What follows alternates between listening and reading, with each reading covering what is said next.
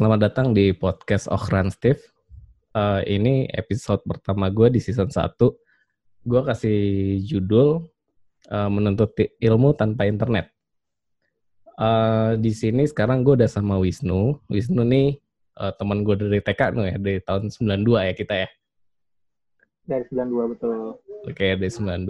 Uh, jadi kita akan ngebahas nih uh, gimana sih uh, masa sekolah dulu yang tanpa internet karena kita tahu sekarang apalagi kondisi sekarang kan anak-anak sekarang kan sekolah uh, maksudnya home based learning ya.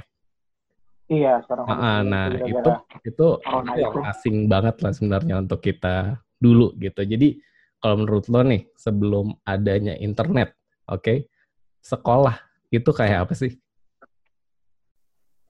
Sekolah. Ya. Kalau menurut gua ada internet sekolah itu tempat bermain dan belajar ya. Kayak okay. tagline salah satu majalah. Jadi hmm. ya di sana gua sama teman-teman, terus gua ketemu sama guru, hmm. terus gua belajar uh, tentang segala sesuatu yang diajarkan dan diharuskan pada saat itu. Hmm. Jadi ya lebih ke apa ya kayak second home buat gua lah intinya. Kan kalau anak-anak sekarang kan uh, nyari sesuatu nih nyari topik gitu atau dikasih tugas sama gurunya kan, uh, dia bisa langsung gitu nyari di Google, Wikipedia atau apa pun itu uh, tentang informasi itu tuh. Kalau dulu menurut lo gimana tuh? Dulu untungnya kita nggak pernah di, apa dapat tugas tentang cari suatu artikel atau apa ya. Semua Aha. tugas tuh pasti ada di Kunti atau di Arif. Pasti lo juga inget ya yang namanya dulu kita selain punya buku pelajaran, buku textbook itu, kita juga punya satu namanya lembar LKS yang namanya Arif atau Kunti. Okay. Terus waktu zaman SMA juga kita punya lembar kerja siswa. Nah, di situ semua pertanyaan-pertanyaan guru, semua uh, nilai kita tuh ditentuin dari situ, bukan yang kita disuruh apa namanya uh, cari artikel terus ngerangkum. Uh, kalau dulu tuh uh, kayak kita baca buku terus ngerangkum di stabilo stabiloin terus bikin rangkuman yang gue pikir itu agak kurang kerjaan sih karena ya bukunya udah ada ngapain kita juga ngerangkum ya nggak? Oke oke oke. Berarti sebenarnya gini ya kalau bisa dibilang kalau misalnya uh, mencari sebuah tugas gitu berarti kita cuma dapat dari satu referensi. Itu ya yang lo bilang tadi dari Arif atau Kunti itu tadi ya. Kalau sekarang kan anak-anak tuh luas hmm. banget tuh bisa bisa dia bisa dapat betul betul. Uh, uh, uh, jadi sebenarnya agak agak terbatas juga akses informasi zaman dulu ya. Betul.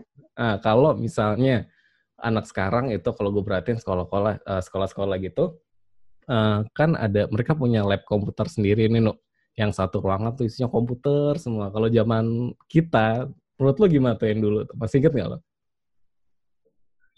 kalau zaman kita komputer uh, itu di sekolah, uh, di sekolah. gue dapat pelajaran komputer itu kelas tiga ya kalau nggak salah itu ah kelas tiga. Gue gue uh, tapi itu kita nggak punya satu itu, ruangan itu isinya komputer semua kan ya kita nggak punya jadi itu tuh kayak kita pindah-pindah. Jadi uh. kelas dulu kelas 4A misalnya 4A dijadikan ruangan komputer pada hari Rabu. Di setup pagi-pagi terus giliran tuh yang 4A masuk ke 4A dulu terus uh. jam siangnya tukeran tempat duduk 4A pindah ke 4B 4B pindah ke ruang komputer kayak gitu. Ah, gila repot banget.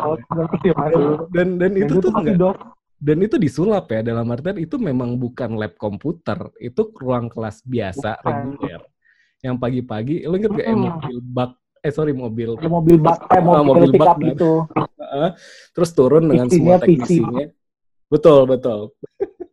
Dan dulu inget gak dulu belum ada yang namanya flash disk gitu. Terus gimana tuh kita nyimpan data tuh? Dulu kita pakai disket tau disket yang gede-gede itu. Dan, dan itu nggak dibawa pulang kan karena memang nggak semua anak murid punya komputer kan? Iya, dulu nggak dibawa pulang. Dan dulu masih DOS tau, masih yang biru-biru itu kita ngetik apa? Belum Pentium bahkan ya. Belum deh ke gue. Dan dan lo inget nggak? Dan lo inget apa yang lo pelajari di DOS itu? Um, maaf enggak nih, gue juga agak lupa tuh. Uh, buat teman-teman yang yang baru-baru nih itu uh, DOS tuh yang kalau nyalain tuh tampilannya tuh biru semua dan cuma tulisannya warna putih. Uh, jujur gue sama Wisnu juga lupa sebenarnya itu buat apa, apa yang kita kerjain di situ. Gue juga nggak tahu sih sebenarnya. Input komen-komen apa gitu gue juga nggak ngerti. Ada apa star star apa ya dulu ada ya namanya star ya kalau Iya iya kayak rumus-rumus gitu ya dan itu lupa banget sih. Iya uh, itu tuh. Nah itu gue lupa sih. Dan gak guna juga sampai sekarang kan. dan gak guna juga ya. Oke oke. Oke uh, terkait sama topik kita nih kita bahas itu kan masih komputer ya di mana dulu masih uh, akses terhadap komputer pada tahun 9 uh, sorry itu udah 2000 bahkan ya 2002 ya saya Uh, nah itu bahkan kita belum nyentuh yang namanya internet ya. Atau udah cuman mungkin belum ya. Itu lo lo inget nggak pertama kali pertama kali lo uh, kenal internet tuh di mana? Uh, kenal internet gue kayaknya kelas kelas 6 ke SMP deh. Uh, itu yang gue rajin banget ke ke warnet kalau nggak salah. SMP gue mainannya SD SMP deh kalau nggak salah. Dan itu zaman zamannya CS itu. Uh, internet pada masa itu tuh kayak apa internet pada masa itu. Uh, um, seingat gue sih gue cuma pakai buat MIRC MIRC terus buat Yahoo Messenger uh-huh. terus uh, apa uh, mail Yahoo Mail. Terus apa ya Friendster gitu gitulah Friendster SMP terus, ada emang uh, Friendster udah ada tahu SMP oh, seingat gue ya. oke oke oke. 2000 something kan dia kan. Uh-huh. nah sama sama yang gue senang banget tuh kalau dapet uh, warnet yang bisa download lagu cepet cepetnya itu juga paling yang enggak ukuran lagunya 3 MB itu sekitar 10 menit lah iya yeah, 3 MB 10 menit pada masa itu cepet ya cepat waktu itu. uh, Oke, okay, uh, eh, dan dulu tuh sebenarnya belum banyak pilihan provider kayak sekarang ya. Kalau dulu tuh gue ingetnya tuh Telkomnet instan kalau nggak salah, yang 0809894 kali. Lo masih ingat nggak tuh? Masih gue ya iklannya di escaping betul. Itu kan dulu gue satu SMP tuh uh, eh, gue muncul tuh layanan itu kan. Terus gue penasaran hmm. kan itu gara-gara zaman dulu belum ada laptop gue uh, cuma ada komputer Pentium 3 apa dulu zaman gue SD kelas 6 itu gue tarik komputer gue ke deket telepon untuk cuman buat koneksi doang kayak apa sih internet. Itu gue inget banget sih pertama iya. kali gue kenal wah itu parah lambatnya parah. Gue gue gue nggak ngerti sih ini. Nggak gue. Apa? Tipenya dial up kan? Iya betul, dial up, dial up. Dan dan kalau lo melihat nih, uh, seandainya gitu, oke okay, itu kan internet zaman dulu ya, di mana kita melihat internet tuh sebuah uh, privilege ya, sebuah barang mewah lah pada saat itu gitu. Uh, kalau misalnya uh, hubungannya dengan sekarang, di mana uh, kita udah pasti berhubungan banget sama internet, bahkan bisa dikatakan fragile ya. Kalau menurut lo nih, uh, pekerjaan yang lo lakukan sekarang lo itu nggak ada internet, akan jadi seperti apa? Pekerjaan yang gue lakukan sekarang. Um, tapi tanpa internet, lo bisa bayangin nggak kerjaan lo yang lo lakukan sekarang tapi tanpa internet? Uh, agak, hmm, karena kan gue sekarang kerja di industri kreatif ya. Uh. Maksudnya tuh pekerjaan gue ada di jalur kreatif gitu ya. Dan kita hmm. kan pasti butuh internet buat kayak referensi, terus hmm. buat kayak nyari-nyari vendor misalnya, terus hmm. buat nyari-nyari apa info yang trending apa yang lagi trending apa sih di uh, uh, dunia ini. Hmm. Kalau tanpa internet, ya gue rasa ya gitu-gitu aja. Ya, maksudnya uh, kalau misalnya gue bikin bikin sesuatu ya paling ya ya gitu. Dan teknologinya juga kan nggak se high sekarang kan. Jadi kayak gue hmm. kayak gue ketinggalan uh, siapa sih artis yang lagi ngetrend saat ini? Terus uh, per, uh, apa fashion trend saat ini tuh seperti apa? Terus kayak gue nggak bisa ngelihat uh, misalnya event-event yang ada di luar negeri itu bisa mereka bisa pakai kembang api joget-joget atau apa itu gue nggak bisa tahu. Gue nggak tahu juga vendor-vendor yang menyediakan apa. Gue harus buka dulu tuh yellow pages vendor-vendor event Iya iya benar Ada benar. di Jakarta ya kan. Uh, Yellow Pages buat teman-teman yang belum tahu itu satu kitab suci untuk mencari kontak orang-orang ya. Cuman ada nama, terus ada nomor telepon, itu juga nomor telepon kantor setahu gue. Dan ya udah gitu aja gitu. Kalau sekarang kan kita bisa lihat profilnya segala macam ya. Oh ya, uh, Wisnu sama gue nih sebenarnya uh, sama uh, lingkup kerjanya nih ya. Kita di uh, IO sebenarnya kurang lebih bisa dibilang kita berkecimpung di yeah industri kreatif event gitu. Ya. Hmm, jadi uh, gue juga nggak kebayang sih sebenarnya kalau misalnya gue harus bekerja tanpa kehadiran internet gitu. Uh, selain referensi tadi dalam mencari informasi, ada kendala lagi nggak dalam dunia event? Seandainya internet itu nggak ada. Seandainya internet itu nggak ada, um, banyak sih. Ah, Soalnya, apa tuh contohnya? Yang gue tahu kan kayak teknologi event kan pasti ada yang berhubungan sama internet kan. Betul. Ya, hmm. lo nyalain apa pyro dan segala macam itu kan pasti harus connect sama internet.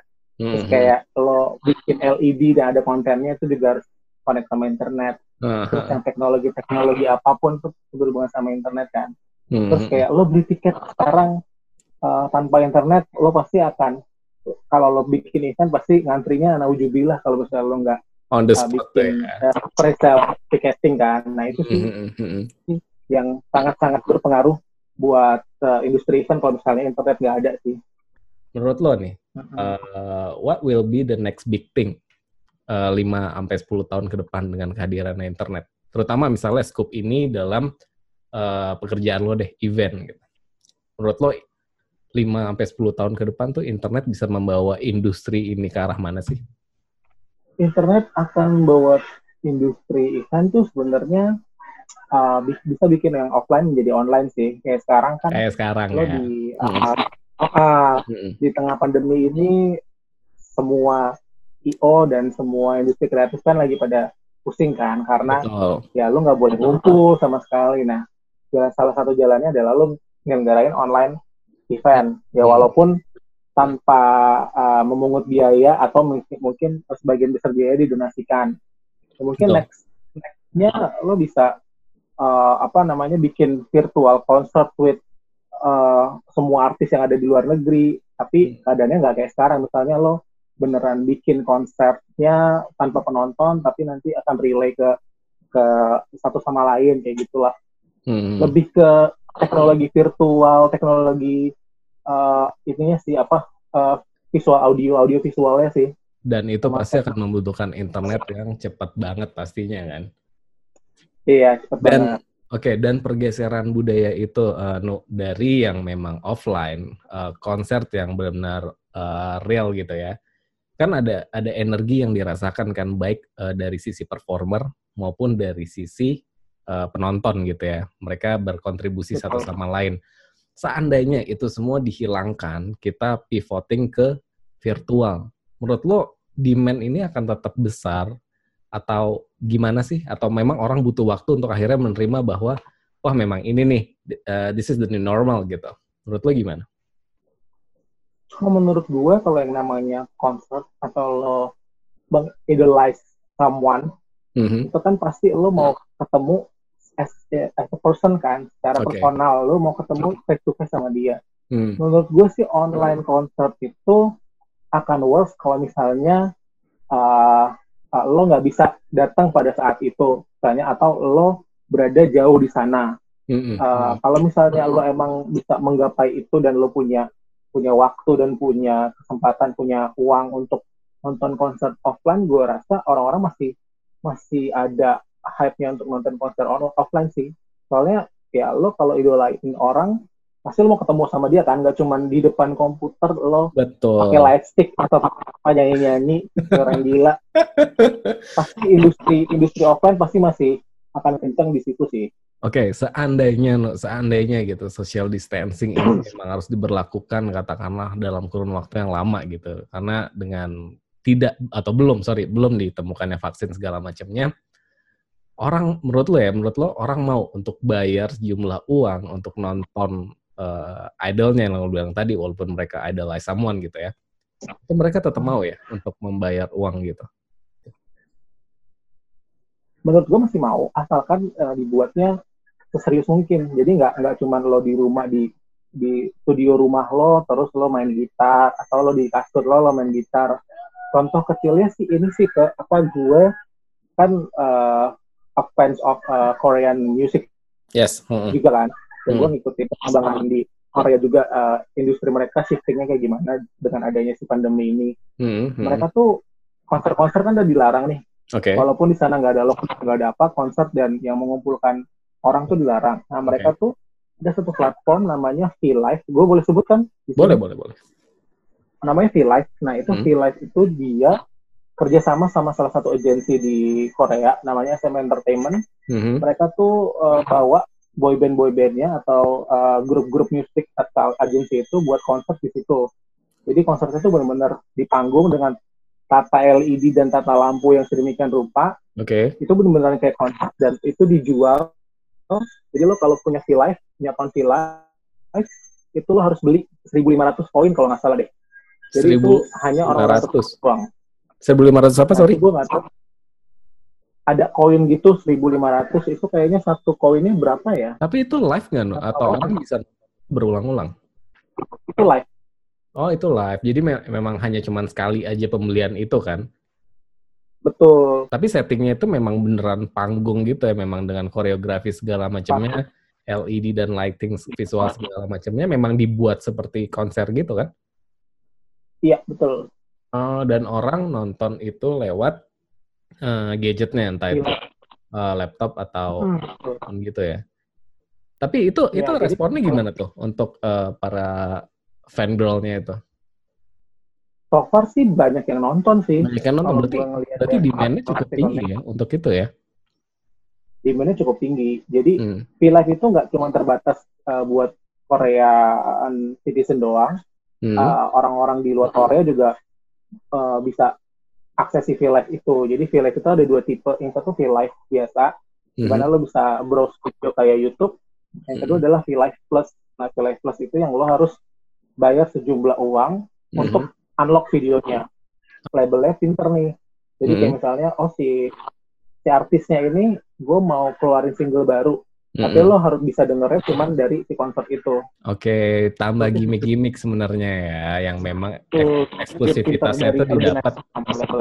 Oke, I see. Nah, kita kan berbicara itu Korea ya, di mana kita tahu um, mereka tuh supportnya uh, cukup besar ya untuk untuk artisnya itu sendiri. Menurut lo, kalau di industri Indonesia gimana? Uh, gue nggak tahu ya, Indonesia tuh um, karena mungkin karena terlalu manusiawi ya mungkin ya jadi kayak semua hal hmm. yang kita lakukan saat pandemi hmm. yang menghasilkan revenue atau keuntungan itu pasti dianggap nggak manusiawi jadi uh, kayak semua konsep yang online pasti dimintanya gratis atau donasi berapa persen segala macam gitu. Karena menurut gue dari segi pemerintahnya pun juga kurang ada support nih buat pekerja-pekerja kreatif juga kan. Betul. Ya, lo lihat aja kayak ada banyak ada banyak kesenjangan lah. Misalnya gini, lo lihat acara TV uh-huh. yang kayak acara-acara TV, Trans TV yang tapping di studio, hmm. itu mereka bisa jalan.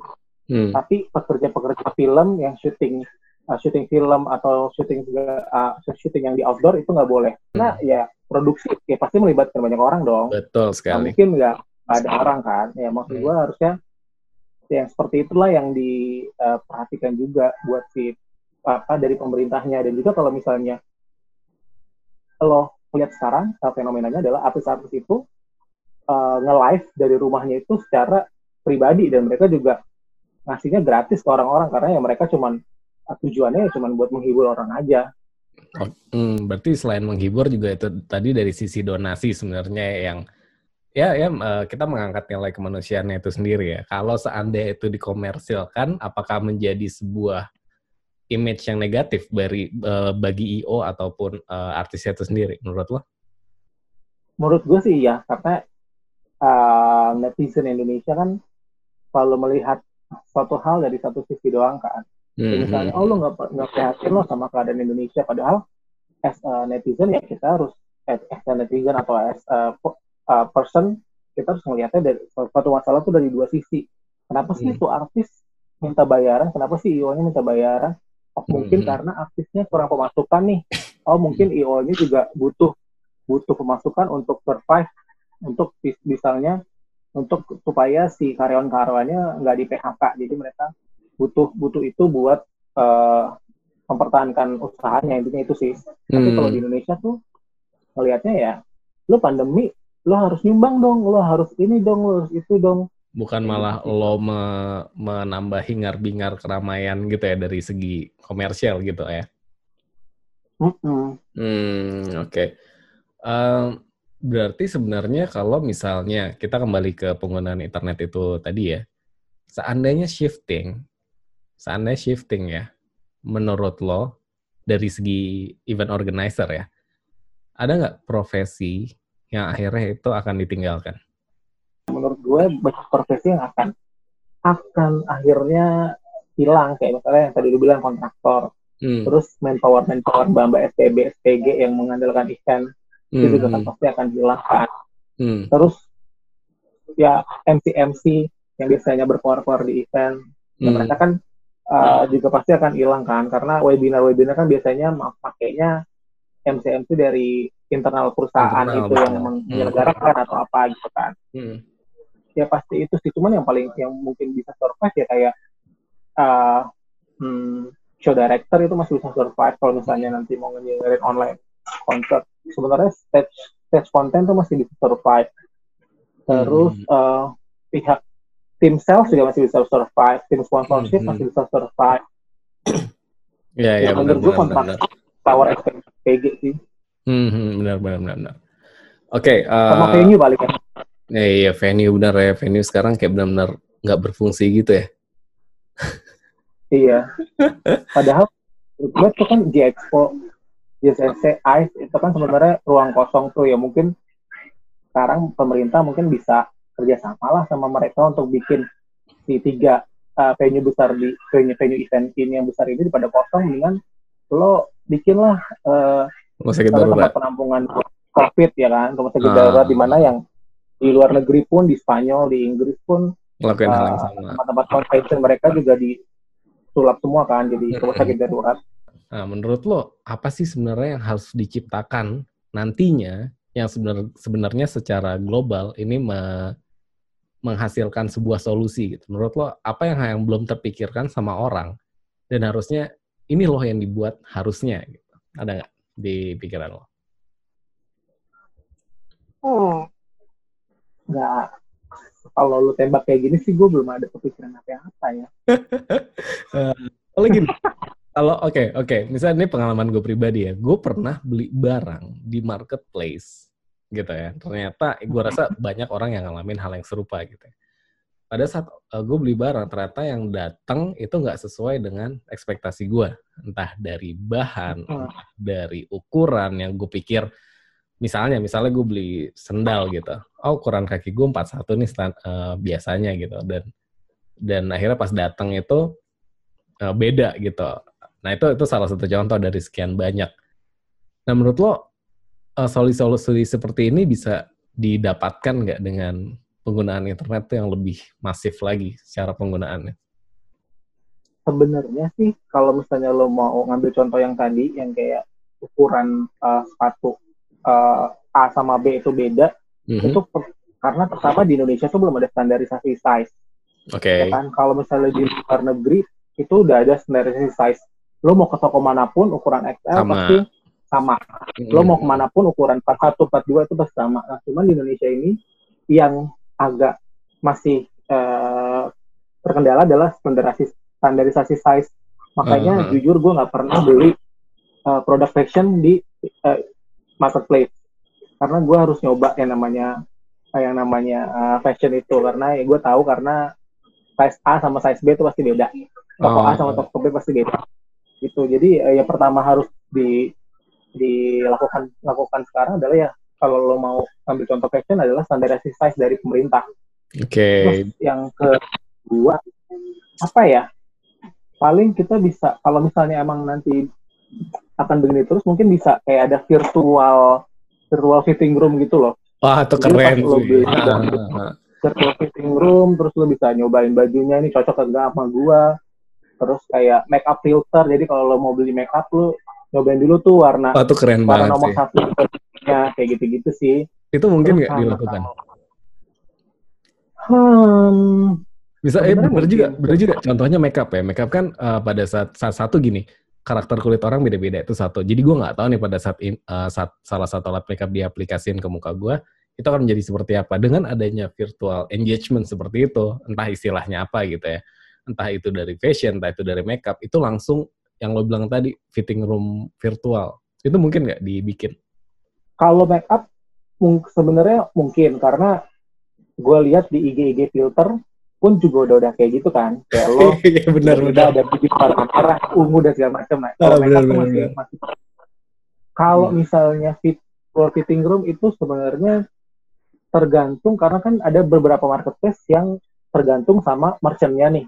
Hmm, hmm, ya hmm. kan? Ada ada marketplace yang jualan itu adalah merchantnya. Si marketplace itu sebagai perantara ada Hmm, juga marketplace yang sebagai warehouse juga hmm. Nah, sebenarnya yang bisa diaplikasikan ya sama marketplace yang si warehouse itu. Jadi kayak uh, ber- uh, marketplace Z misalnya atau marketplace L, Hmm, itu kan mereka ada di warehouse kan. hmm, Nah, itu betul. mungkin dari mereka itu bisa jadi ide ya. Ntar gue minta royalti sama mereka kalau misalnya itu diaplikasikan. Jadi itu bisa diaplikasikan. Tapi kalau kalau marketplace yang uh, tergantung sama merchant ya kayak kayak Kayak- marketplace T sama F misalnya Ah, ah, ah. itu agak susah sih karena kan itu yang upload barang dari merchantnya Merchantnya, ya. yang uh, kurasi SKU dari merchantnya gitu sih Berarti nanti nggak nggak menutup kemungkinan gitu tren belanja itu nggak lagi orang datang langsung ke apa namanya ke ke mallnya atau ke mana pun, semua akan dilakukan dengan virtual gitu ya. Mungkin ya itu terjadi ya. Uh, mungkin kalau misalnya di situasi masih seperti sekarang PSBB atau lockdown segala macam Hmm, menurut gua perkembangan online shopping masih akan besar.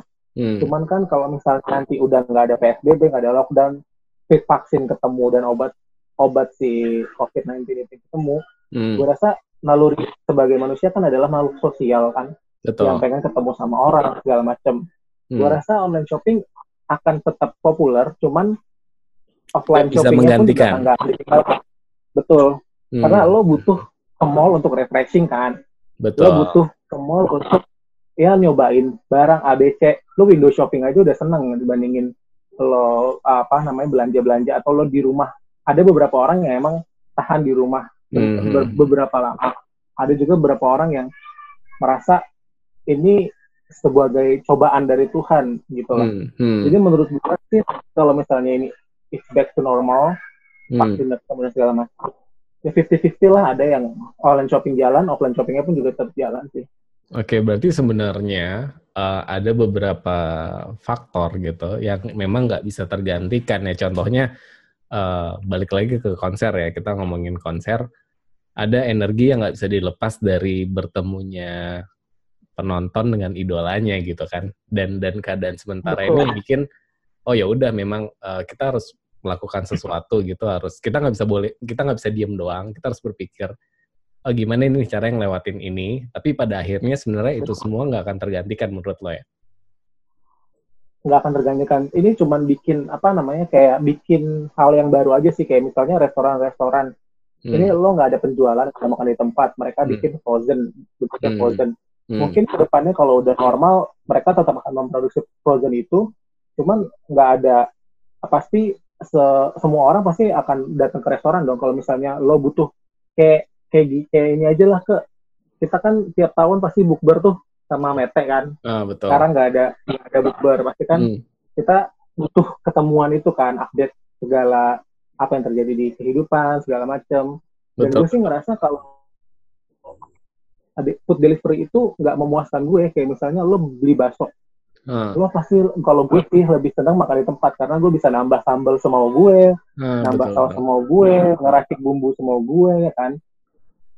Itu akan berjalan ya berdampingan. Jadi pasti akan ada new things yang kayak restoran pasti akan tetap memproduksi si frozen food atau coffee shop. Coffee shop pasti masih akan tetap memproduksi sang- kopi-kopi satu literan yang sekarang lagi ngetren Hmm, hmm, hmm. tapi di satu sisi kalau ini udah balik ke normal ya pasti orang tetap masih akan datang ke restoran masih akan tetap nongkrong di coffee shop masih akan tetap jalan-jalan ke mall gitu. karena pada dasarnya memang manusia itu sendiri makhluk sosial yang memang nggak bisa terpisahkan dengan sentuhan fisik dengan kontak fisik gitu sebenarnya ya betul dan setahu gue sekarang kan Perancis udah ngelonggarin ininya kan udah ngelonggarin lockdownnya kan nah itu Hmm, hmm. orang-orang pada keluar sih setahu gue yang singkat gue baca di berita pokoknya ada banyak antrian deh di tempat makan atau di mana gitu lah. Iya, iya, iya. Makanya, maksudnya keresahan gue gitu dengan kadang-kadang mikir eh, apakah pivoting dalam sebuah industri ini sangat dibutuhkan gitu atau ini hanya sementara atau uh, memang sebuah uh, apa ya fase aja di mana kita dipaksa untuk bertahan gitu.